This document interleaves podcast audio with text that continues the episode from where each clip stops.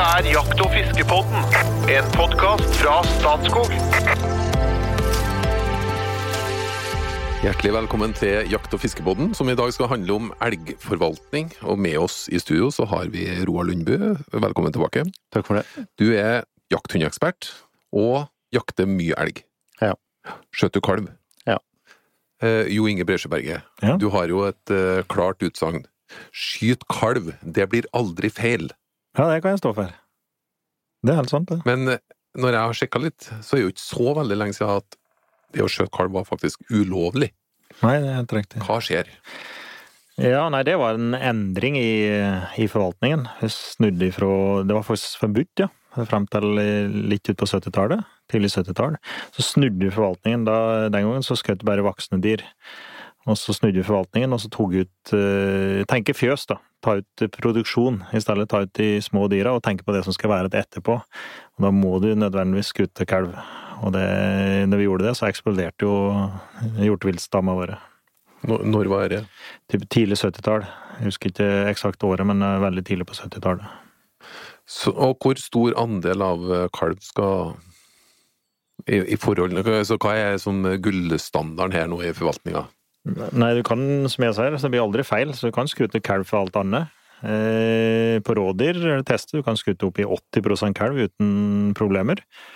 På elg og hjort så kan det òg ha en veldig høy eh, kalveandel. Vi sier minimum 30 det er liksom tommefingerregelen.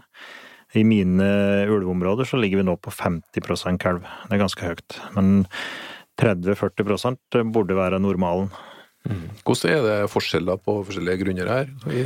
I måten å tenke på? Det er veldig store forskjeller, det er det. Og, og jeg er vant til å skutte kalv i mine områder, og vi har bare økt den prosenten lite grann. Så det har liksom vært normalen. Men når jeg begynte å jobbe i Statskog i Nordland, så lå vi på 7-8 kalv i uttaket.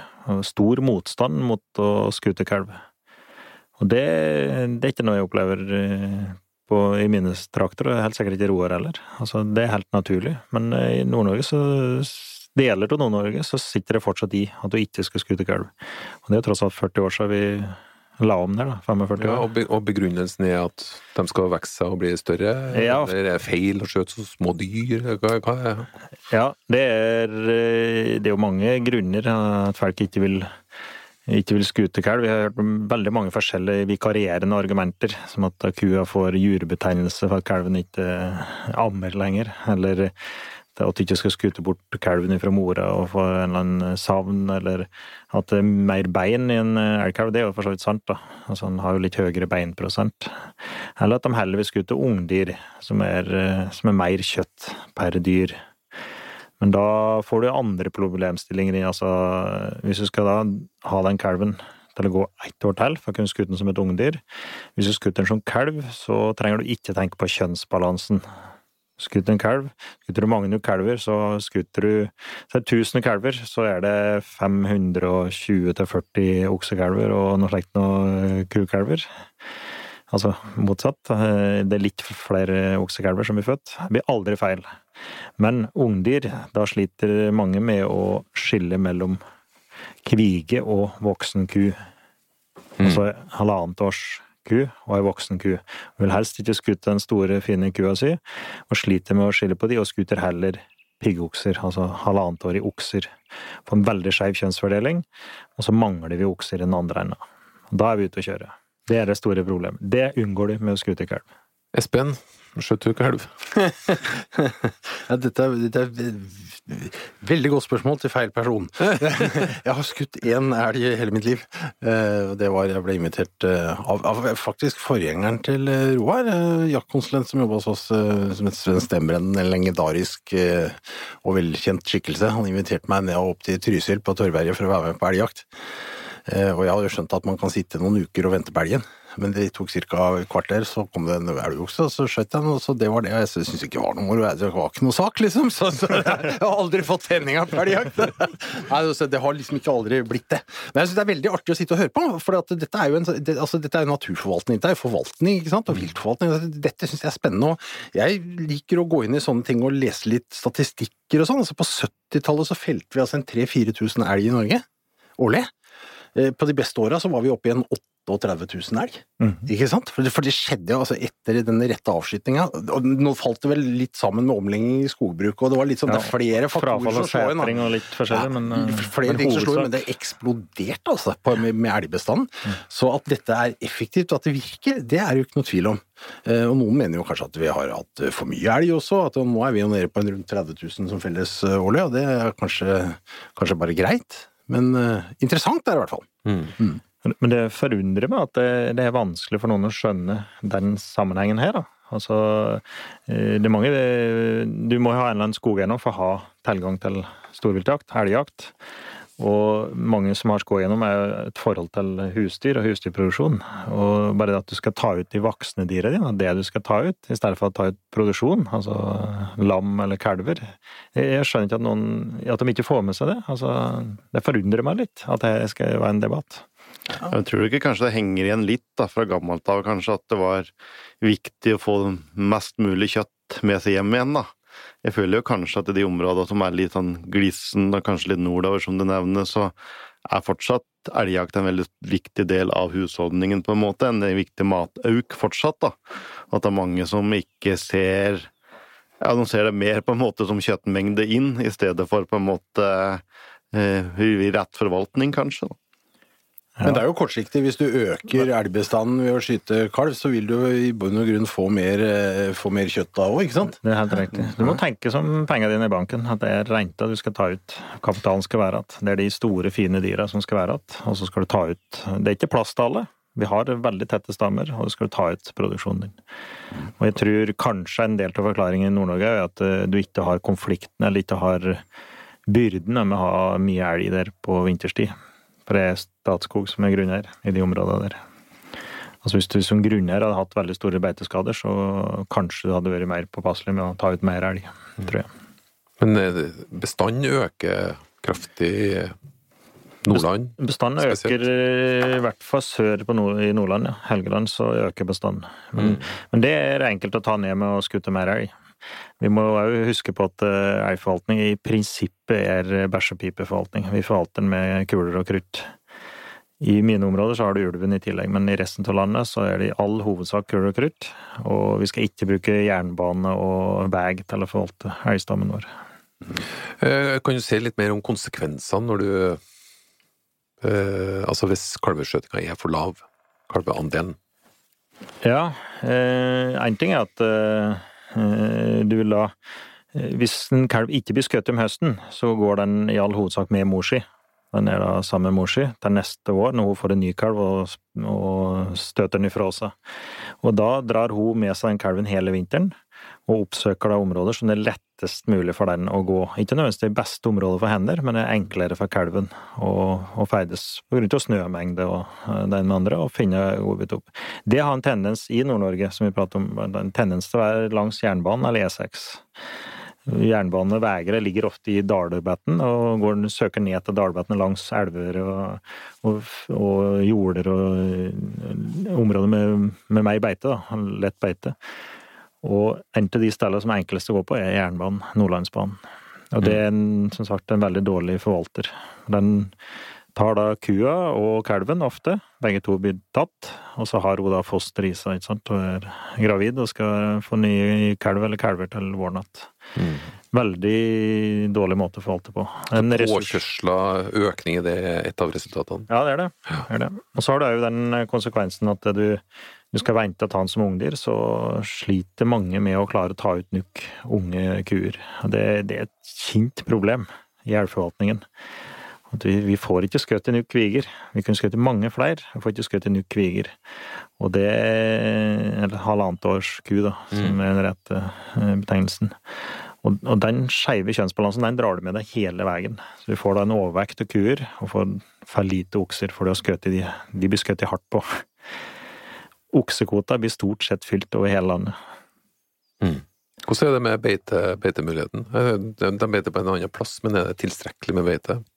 Ikke for alle dyra.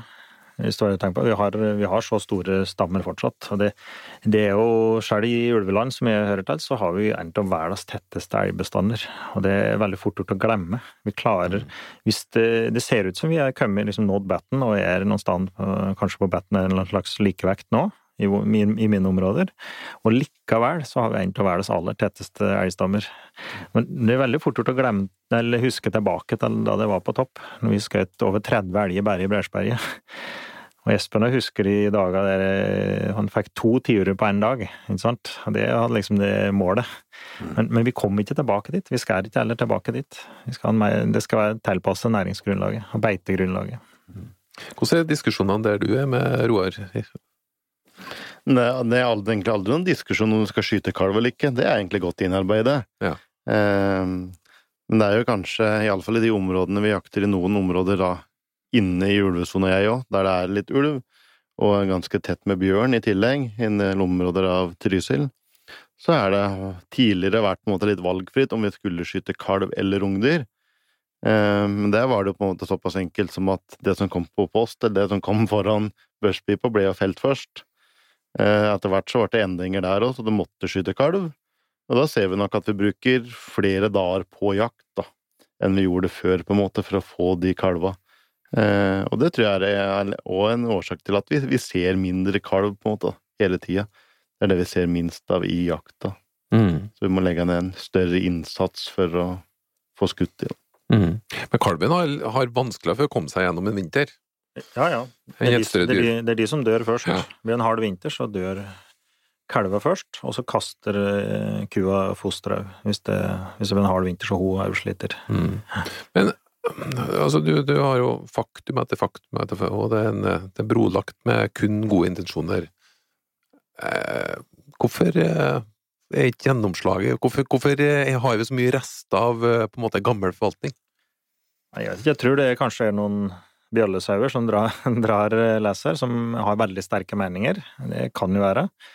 Eh, så tar det jo, det som i skogbruket, det tar jo ofte en generasjon før det har snudd eh, visse holdninger. Jeg vet ikke, Mulig vi er litt tregere, elgjegere. Litt tregere med å snu holdninger. Men jeg bare tenker på det. Altså, det ene er at det er veldig bra kjøtt.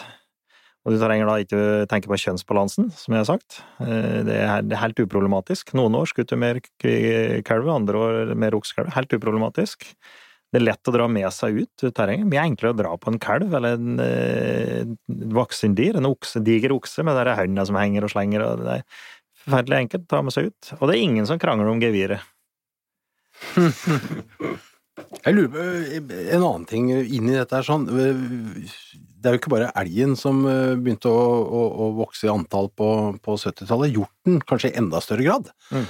Og nå feller vi altså 42 000 hjort i året. Mer. 42 000, nesten 43 000, ja. Nei, og det, det, det, Hvordan virker dette inn på elg... Altså, elg og hjort sammen? Det hører vi mye teorier om. Ja. ja altså at hjorten koloniserer områder som tradisjonelt er elgområder? Fordriver elgen, har vi hørt. Og, ja, ja. ja, det har det vært en del eh, Det er, gans, det er sikkert litt seiglive myter. Men eh, det ser jo ut eh, Det er ikke noe som tyder på at det er reelt, og de er ikke direkte næringskonkurrenter. De har eh, gjort noe med en graseter, mens eh, elgen er grovfòr og, og kvisteter, så de er ikke direkte næringskonkurrenter. Men det er ikke slik at de nødvendigvis oppsøker hverandre, og det er ikke slik at du får, får inn en ny art, så får du dobbelt så mye. Det er jo ikke det heller.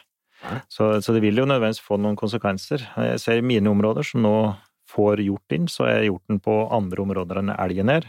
Og hjorten har et mye mer eh, sesongtrekk, så den er type borte om vinteren. Mm. Den er ikke de vinterområdene der.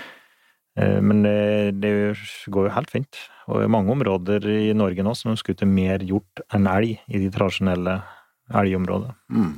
I Telemark, for eksempel, er det helt vanlig at det skuter mer hjort enn elg nå. Når du bruker eh, jakthund, er det noe, har det noe, er det noe forskjell på bruken av hund, om du er jakter på kalv eller eh, annen type dyr? Og så har det noe praktisk betydning, ja? Nei, stort sett så har det ikke det. Det bør egentlig være det samme. Eh, hund skal jo finne elgen på en måte uansett. Noen, vi har jo hørt noen som på en måte prefererer noen type dyr, men eh, stort sett så vil jo hunden stort sett nøye seg med å finne elgen, og være fornøyd med det. Eh, Men altså, jeg oppfører kalven seg annerledes i møte med en hund. Ja, det kan vi se.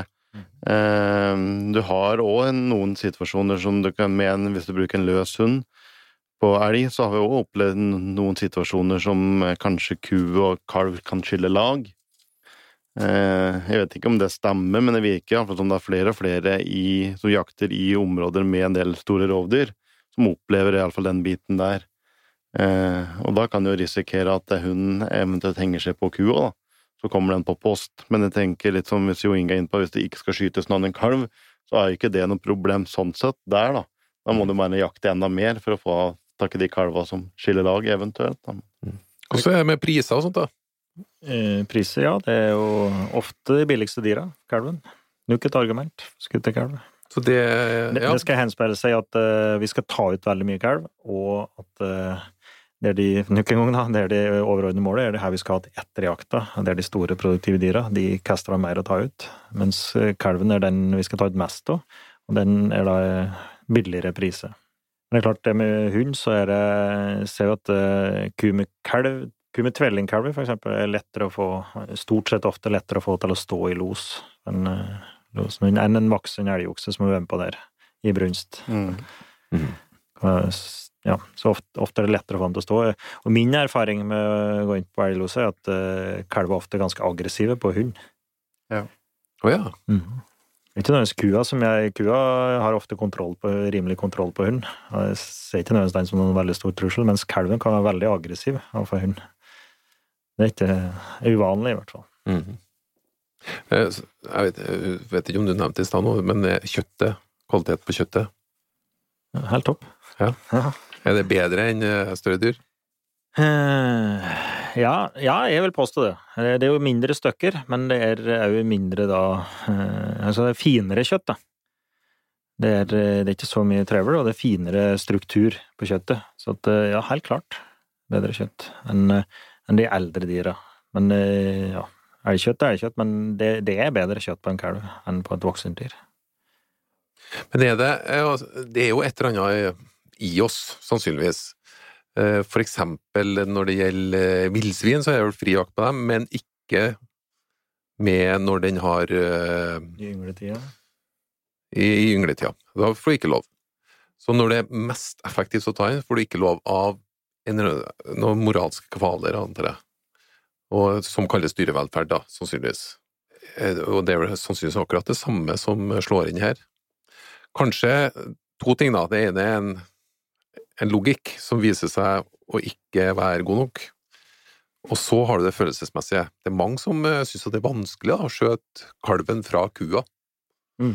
Og, det, og det har jeg hørt eh, voksne elgjegere si, det. Så det er liksom, det vil ikke Du kjenner ikke sterkt på det, ser jeg, Nei, Jo Inge. nei, jeg er ikke det. Nei, det er helt riktig. Jeg gjør ikke det, men, eh, men jeg har vært borti folk, og jeg kjenner folk, og jeg prater med folk som, som sier det hakka der, at de ikke vil skute kalven fra mora. Og, og det Ja, jeg må respektere det.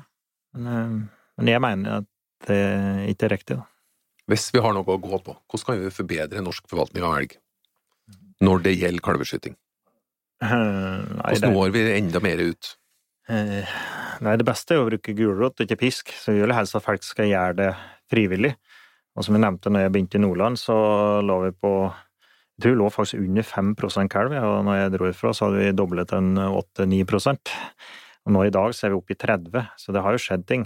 Men eh, det beste er jo å få folk med på det frivillig, og ikke måtte tvinge dem til det. Du kan jo snu på det. Altså at du får ikke skutt voksendyret før du har skutt kalv og ungdyra, de små dyra først. Men men det er ofte bedre å, mener jeg da, som forvalter, at eh, vi får jegere med på det som på frivillige ordninger. Da.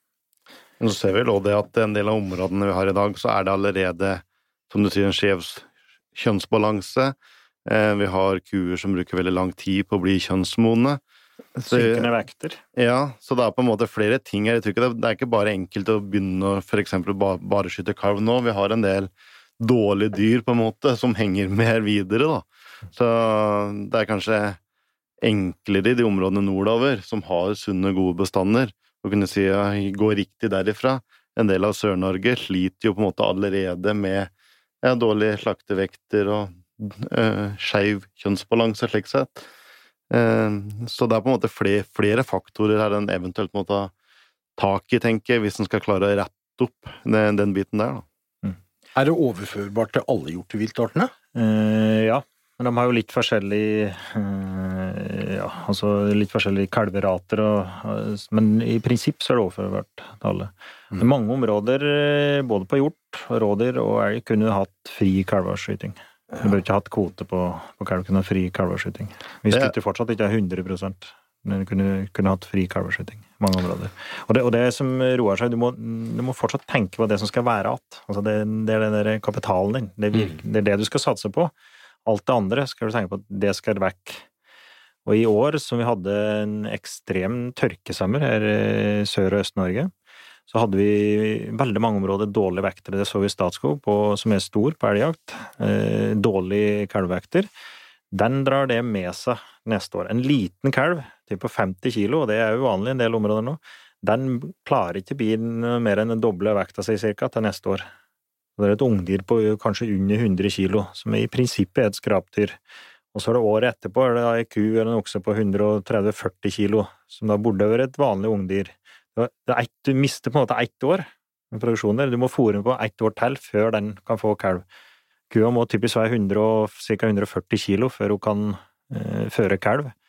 Og da bruker den typisk ett år ekstra på å nå den vekta. Det vi kunne gjort grep da, var å ta ut flere kalver i år. Mm. Vi skulle ta ut flere av de. Dritt inn, gi dritt ut. Vi skal være mye hardere på det i år. Og et av grepene er også øh, økonomi.